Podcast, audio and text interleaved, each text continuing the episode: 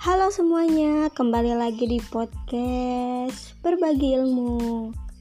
Pada episode kali ini kita akan membahas tentang apa itu administrasi. Kita langsung ke pembahasannya aja ya. Kebanyakan orang masih beranggapan bahwa administrasi hanya sekedar tentang mengetik dan mencatat saja. Padahal administrasi dalam arti luas adalah sebuah kegiatan kelompok yang dilakukan dengan cara kerjasama untuk menyelesaikan tugas bersama demi mencapai tujuan tertentu. Menurut Hadari Nawawi, administrasi adalah rangkaian kegiatan sebagai proses pengandalian usaha kerjasama sekelompok manusia untuk mencapai tujuan bersama yang telah ditetapkan sebelumnya. Menurut Dr. Rande Soekarno, menggolongkan administrasi sebagai tiga golongan. Apa aja ya kira-kira? Yang pertama itu ada administrasi negara.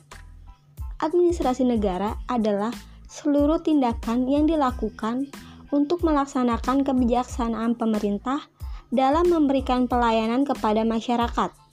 Dalam administrasi negara ini meliputi hal-hal administrasi sipil dan administrasi militer.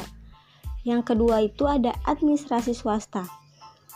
Administrasi swasta adalah seluruh kegiatan dan tindakan swasta yang tujuan utamanya untuk kepentingan sendiri atau golongan.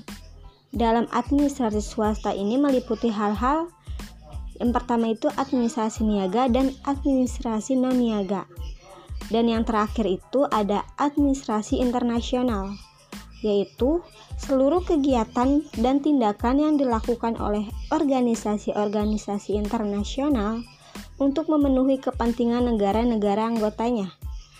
Dalam administrasi internasional ini meliputi hal-hal administrasi niaga internasional dan administrasi niaga non-internasional.